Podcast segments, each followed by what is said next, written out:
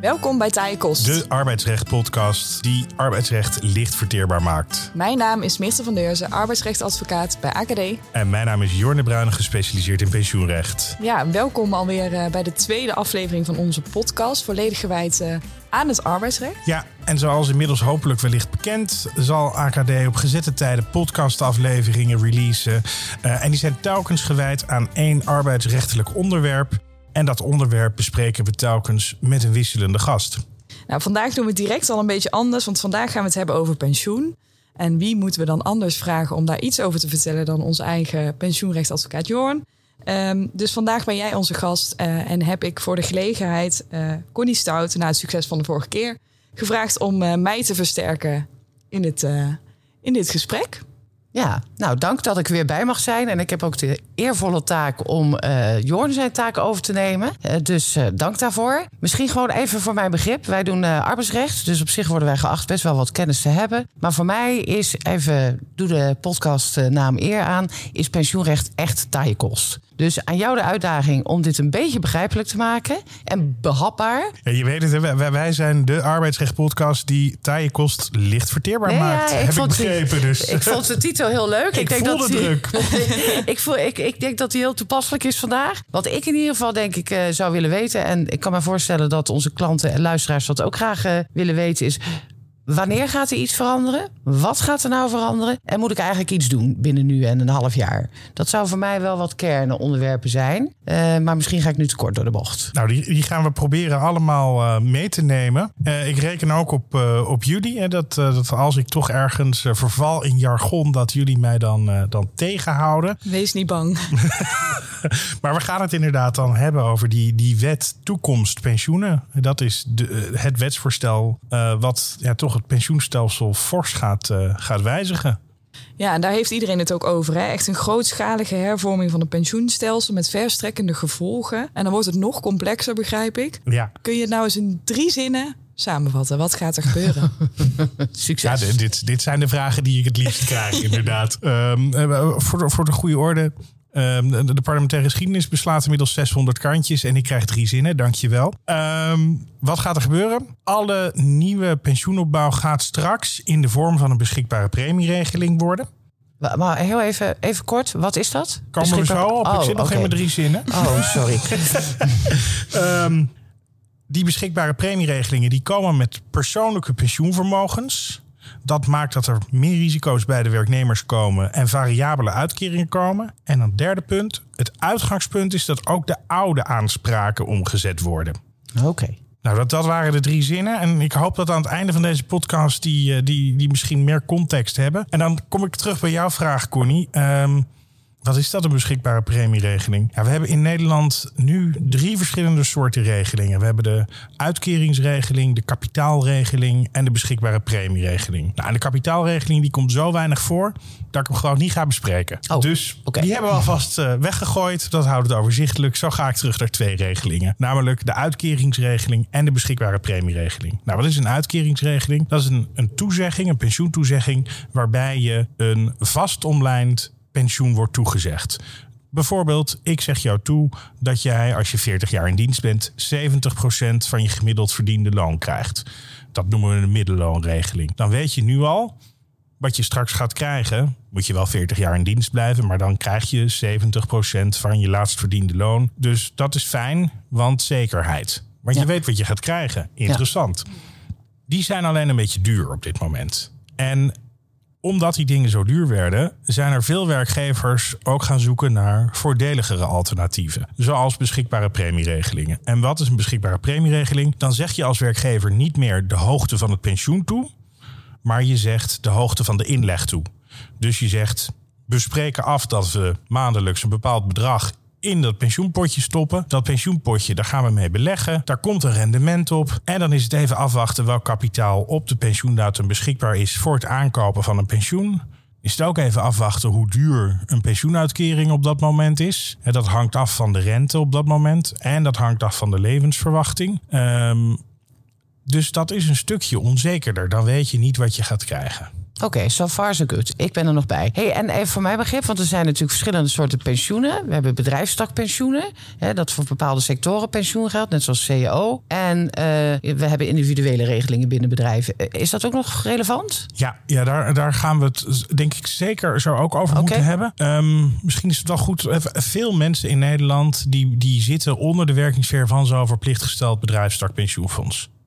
Ongeveer 70% van de arbeidspopulatie neemt deel in zo'n verplicht gesteld bedrijfstak pensioenfonds. Nou, dat is best veel. Dat is best wel veel, ja. Ja. ja. dus dat, dat is het meerderheid van de werknemers, by far. Ehm, en wat zijn het dan, eh, verplicht gestelde bedrijfstakpensioenfondsen? Dan kan je denken aan, aan, aan ABP, het ambtenarenfonds, pensioenfonds Zorg en Welzijn voor de mensen in de zorg. ehm, de metaalfondsen, PME en PMT, metaal en techniek en metalectro. ehm, pensioenfonds Bouw, eh, of eigenlijk bouwnijverheid. Ehm, als je werkzaam bent in zo'n sector, dan ben je verplicht deelnemer in zo'n fonds. En dat ben je bijna van rechtswegen. Daar zijn allerlei nuances nog op te maken, maar laten we dat voor nu even aanhouden. Ehm, dus je valt ook onder die werkingssfeer. En wat voeren dat soort grote bedrijfstakpensioenfondsen nou uit voor regelingen? Dat zijn bijna altijd allemaal uitkeringsregelingen. Oké, dus de eerste die je besprak net. Die eerste, Ja. met die wat hogere zekerheid. Ja. die, die, de middenloonregeling. de middenloonregeling. Ja. Daarbij zeg ik wel, helemaal zeker is het ook niet. En dat, dat hebben we allemaal eh, pijnlijk ondervonden eh, zo'n eh, zo'n tien jaar geleden. toen na Lehman Brothers en de eurocrisis pensioenfondsen toch genoodzaakt waren kortingen door te voeren. Dus het is ook niet een absolute garantie bij pensioenfondsen. Maar je hebt nog steeds wel een reëel perspectief van wat je pensioen gaat worden. Oké, en nou, dat is even wat er is. En daar, gaat, daar gaat dus iets mee gebeuren. Ja, Ja, en wat is dan eigenlijk de kern van wat er nu gaat veranderen?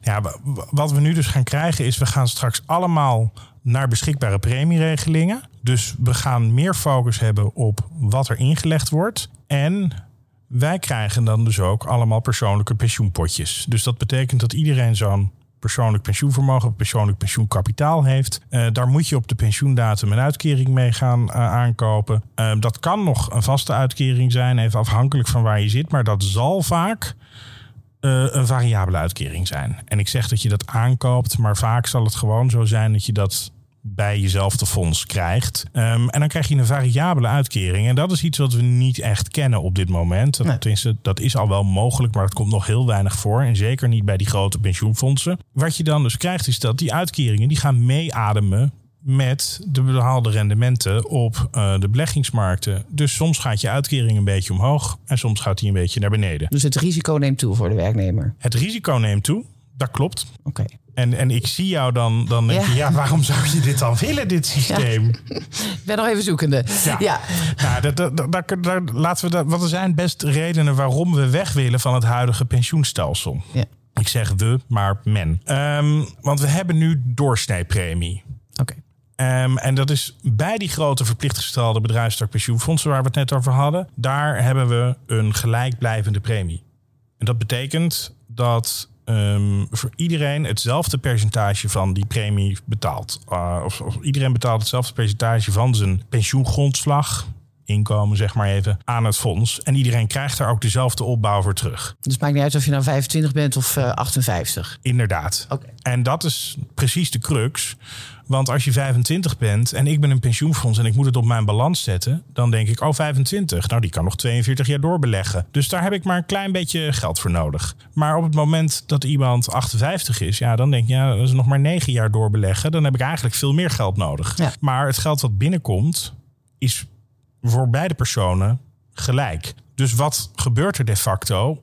Als ik het hier op mijn balans zet als pensioenfonds, dan vindt er een verschuiving van waarde plaats ten behoeve van de ouderen. Ja. En dat heeft allerlei voordelen. Want dat betekent dat ouderen net zo duur op de arbeidsmarkt zijn voor pensioen als jongeren. Dus dat is gunstig. Ehm, maar het heeft ook nadelen. Eh, want stel nou dat jij op je 25ste in, ik noem maar wat, pensioenfonds Zorg en Welzijn zit. En dat je daar 15 jaar, 20 jaar ehm, pensioen opbouwt. Dan ben je in die 20 jaar ben eigenlijk netto betaler geweest voor de oudjes in dat fonds.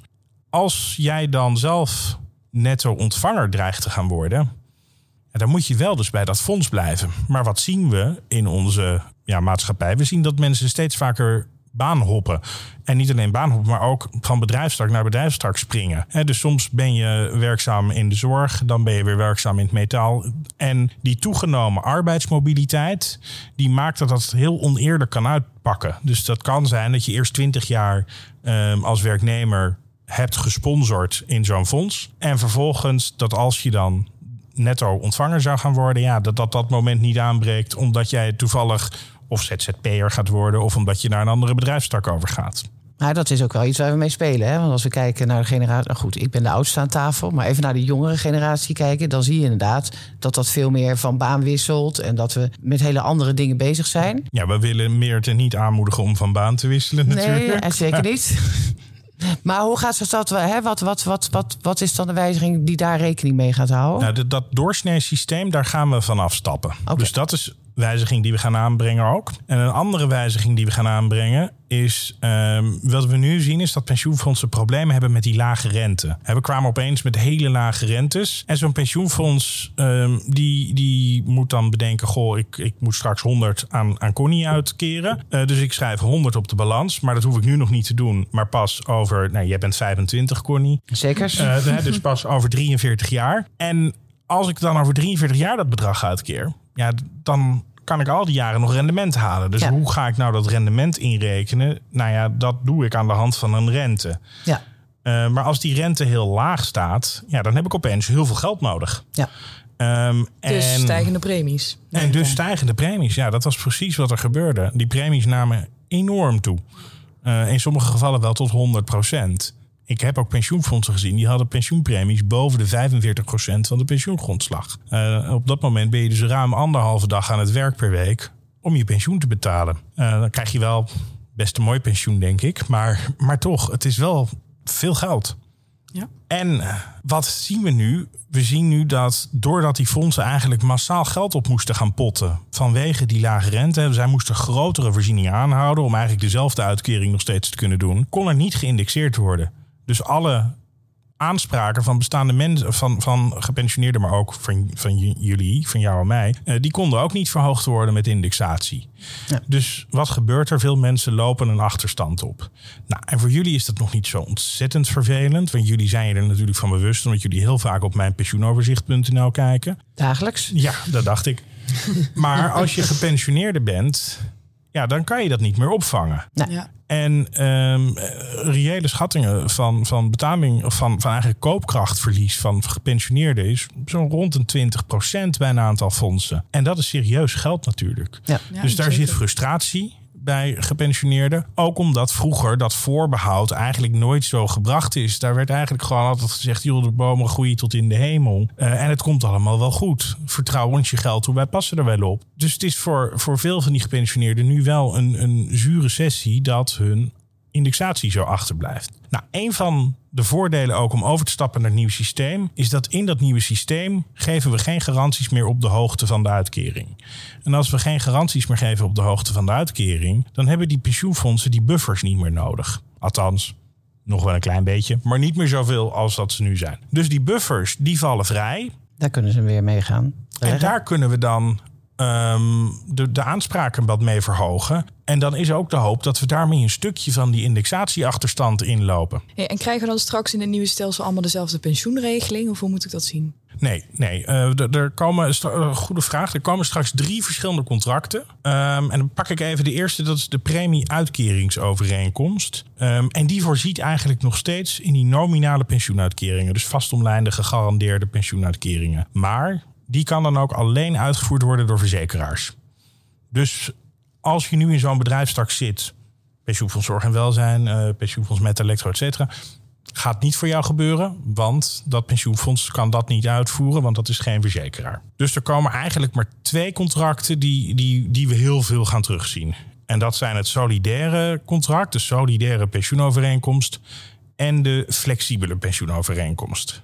Oké, dus solidair klinkt, we gaan allemaal toch hetzelfde solidair doen en krijgen. Ja, um, solidair is vooral. Um, heet, het, het solidaire pensioencontract heet vooral het solidaire pensioencontract omdat daar nog de meeste solidariteit in zit. En dat komt omdat we in die contracten, daar um, krijgen we eh, toch nog de mogelijkheid om een buffer aan te houden. Oké. Sterker nog, die moet er zijn, die buffer. En die buffer, daarmee kan je dan de ergste financiële klappen opvangen. Het is dus niet de bedoeling dat elk variabel ietsje gelijk vanuit die buffer betaald wordt. Maar er blijft toch nog een solidariteitsreserve. Zo noemen we die buffer in het solidariteitscontract. Wat je vooral ziet is dat die grote fondsen, dus hè, ABP, eh, en Welzijn, PME, PMT, Bouw, die zullen met veel interesse waarschijnlijk kijken naar dat solidaire contract. Dat past ook het beste, denk ik, bij uh, ja, toch de collectiviteit die zij ambiëren. Um, dus de verwachting is dat veel pensioenfondsen vooral naar dat solidaire contract overgaan. Maar ze kunnen ook naar een flexibele contract over. En heb ik daar dan een keuze in als werknemer? Of kan dit gewoon doorgevoerd worden? En mijn arbeidsrecht hart zegt nu: gaan we dit zomaar eenzijdig toepassen? Nee, nee. Um, dat gaan we natuurlijk niet eenzijdig toepassen. Uh, maar hoe we dat gaan toepassen, dat is best wel ingewikkeld. Um, als we, en het verschilt ook van waar, waar je zit in het stelsel. Dus als je kijkt naar bedrijfstak pensioenfondsen, en daar, daar zijn we gewend dat sociale partners afspraken maken over de arbeidsvoorwaarden. Die sluiten de CAO af, meerdere CAO's vaak. Um, en die uh, hebben een verplichtstelling aangevraagd voor pensioenfonds. Nou, diezelfde sociale partners, die gaan besluiten naar welk nieuw contract wordt overgestapt. Dus ja, eigenlijk net als alle andere arbeidsvoorwaarden besluiten sociale partners hier hoe straks de nieuwe pensioenregeling eruit gaat zien. En dat bieden ze dan aan aan het pensioenfonds ter uitvoering. Dat is niet zo heel raar. Nee. Maar wat opmerkelijker is, is dat in dat soort constructies die sociale partners ook um, beslissen over de opgebouwde aanspraken. Dus terug naar het verleden. Terug naar het verleden. Wat er al in de potjes zit en wat er al in die pensioenfondsen zit. En daar heb je dan niet zoveel over te zeggen zelf. Als je onder de werkingssfeer van zo'n verplicht gesteld bedrijfstak pensioenfonds valt. Dus daar is ook wel veel onvrede over. Dus met terugwerkende kracht wordt dan mijn pensioen gewijzigd, als het ware. Mijn pensioenaanspraken. Ja. Ja, en daar heb jij zelf geen bezwaarrecht of iets voor. Het enige wat er wel is, is dat er intern adviesrechten zitten bij, uh, bij, bij het fonds. Uh, maar dat is een hoorrecht van de Vereniging van Gepensioneerden en een adviesrecht van het verantwoordingsorgaan. Dus dat zal meestal niet zo heel veel om het lijf hebben. Althans, dat zijn weliswaar zwaarwegende adviezen, et cetera. Maar daar kan een bestuur van een fonds omheen. En bovendien heeft het bestuur van het fonds ook maar beperkte ruimte om als sociale partners besluiten om dat om te zetten dat oude, die oude aanspraken, kunnen ze dat niet zomaar fixen. Misschien wel goed even dat dat omzetten, dat noemen we invaren. Oh ja, dat. Uh, dus dat, is, uh, dat hoor je veel deze dagen. We gaan invaren. Ja. Dat betekent eigenlijk gewoon, we gaan de oude aanspraken, die dus met meer zekerheid zijn, die gaan we omzetten in meer onzekere aanspraken. Ik hoorde jou al ademen dat je iets wilde vragen of niet? Ja, het arbeidsrechtelijke hart uh, sputtert hier natuurlijk wel een beetje tegen. Want het voelt heel gek om met terugwerkende kracht bestaande arbeidsvoorwaarden te gaan wijzigen. Ja. Zit daar nog een waarborg in voor een werknemer? Wordt een werknemer hier op een bepaalde manier nog in beschermd? Of hoe je dat? Ja en nee.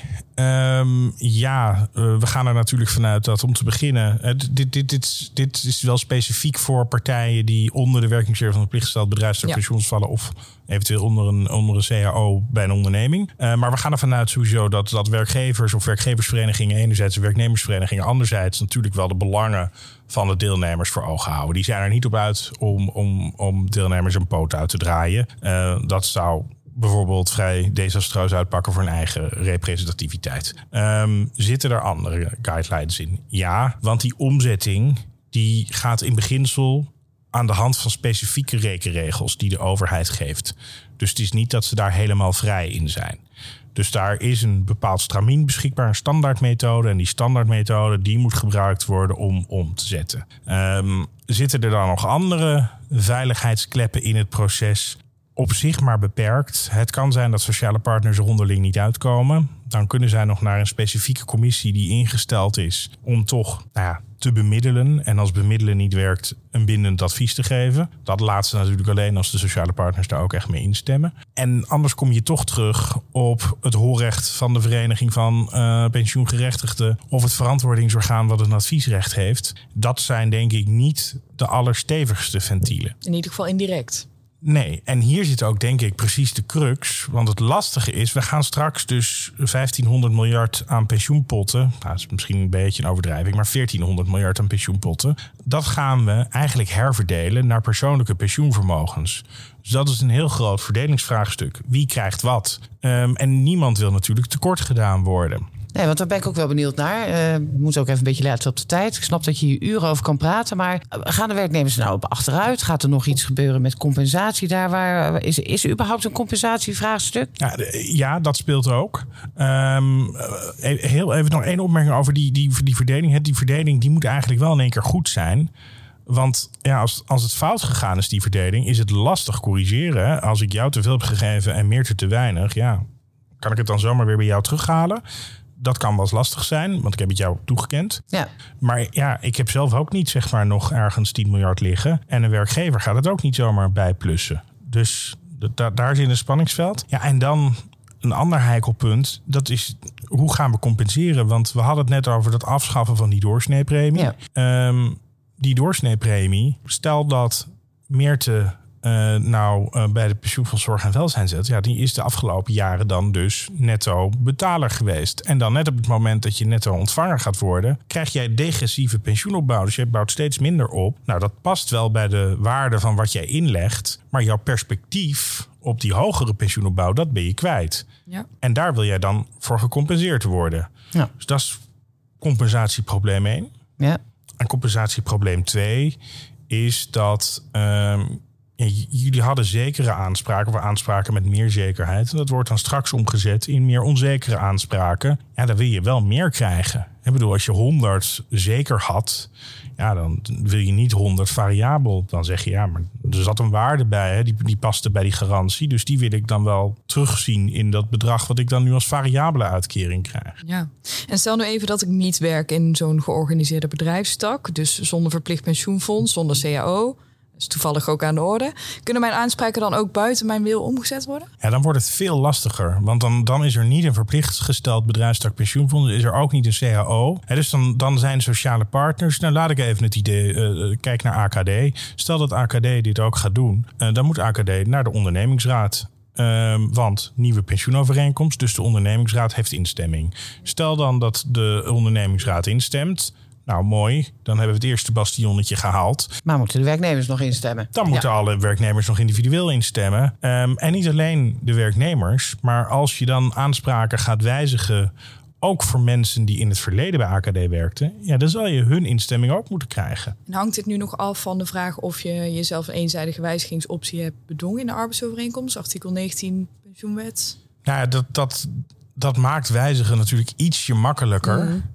Um, en tegelijkertijd is het verschil niet zo heel groot. Het is wel als je jezelf het recht hebt voorbehouden om wijzigingen aan te brengen, dan kan je iets makkelijker terug naar je gewezen werknemers. Maar ik denk dat heel veel bedrijven zoals AKD gaan zeggen: ja, dat, dat, dat met terugwerkende kracht omzetten. Ja, dat ga ik niet doen. Dat hoeft ook helemaal niet, want het staat, AKD zit gewoon bij een verzekeraar. Um, en daar kan het ook best blijven staan. Het is helemaal niet de bedoeling dat we alle aanspraken die bij verzekeraars met terugwerkende kracht gaan, uh, gaan aanpassen. Dat, dat is vooral de bedoeling dat we dat bij die pensioenfondsen doen. En waarom doen we dat bij die fondsen? Ja, omdat het anders het alternatief is. Het nieuwe contract en het oude contract kunnen niet binnen één en hetzelfde fonds worden uitgevoerd. Ja, en dan hadden we dus allemaal nieuwe pensioenfondsen moeten oprichten. Dat is ook precies de reden waarom mensen niet de mogelijkheid hebben om bezwaar te maken tegen um, die, die omzetting met terugwerkende kracht. Want als we tegen mensen zeggen: ja, uh, als je het er niet mee eens bent, uh, dan, dan zetten we het niet om.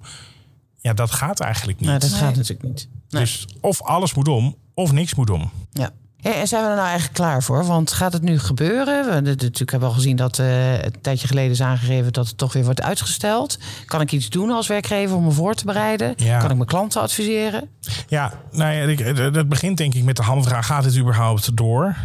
Um, en, en dat is de vraag. Ik denk dat het wel doorgaat. Ik heb natuurlijk geen glazen bol, dus ik weet het niet. Misschien dat het toch wel sneuvelt. Maar bedenk wel dat sociale partners, dus werkgevers en werknemersverenigingen, die zijn de afgelopen twaalf jaar bezig geweest om dit er doorheen te krijgen. Zo'n draagvlak onder sociale partners die elkaar bovendien heel stevig vasthouden. En ook de politieke partijen die dit steunen. Uh, en dat, dat is naast de, de, de partijen die op dit moment tot de regering behoren, uh, kan je er ook van uitgaan dat bijvoorbeeld een GroenLinks of een PvdA van oudsher toch ook wel sympathie heeft voor voorstellen van die afkomstig zijn van sociale partners. Dat daar best wel een reële kans zit dat dat gaat gebeuren.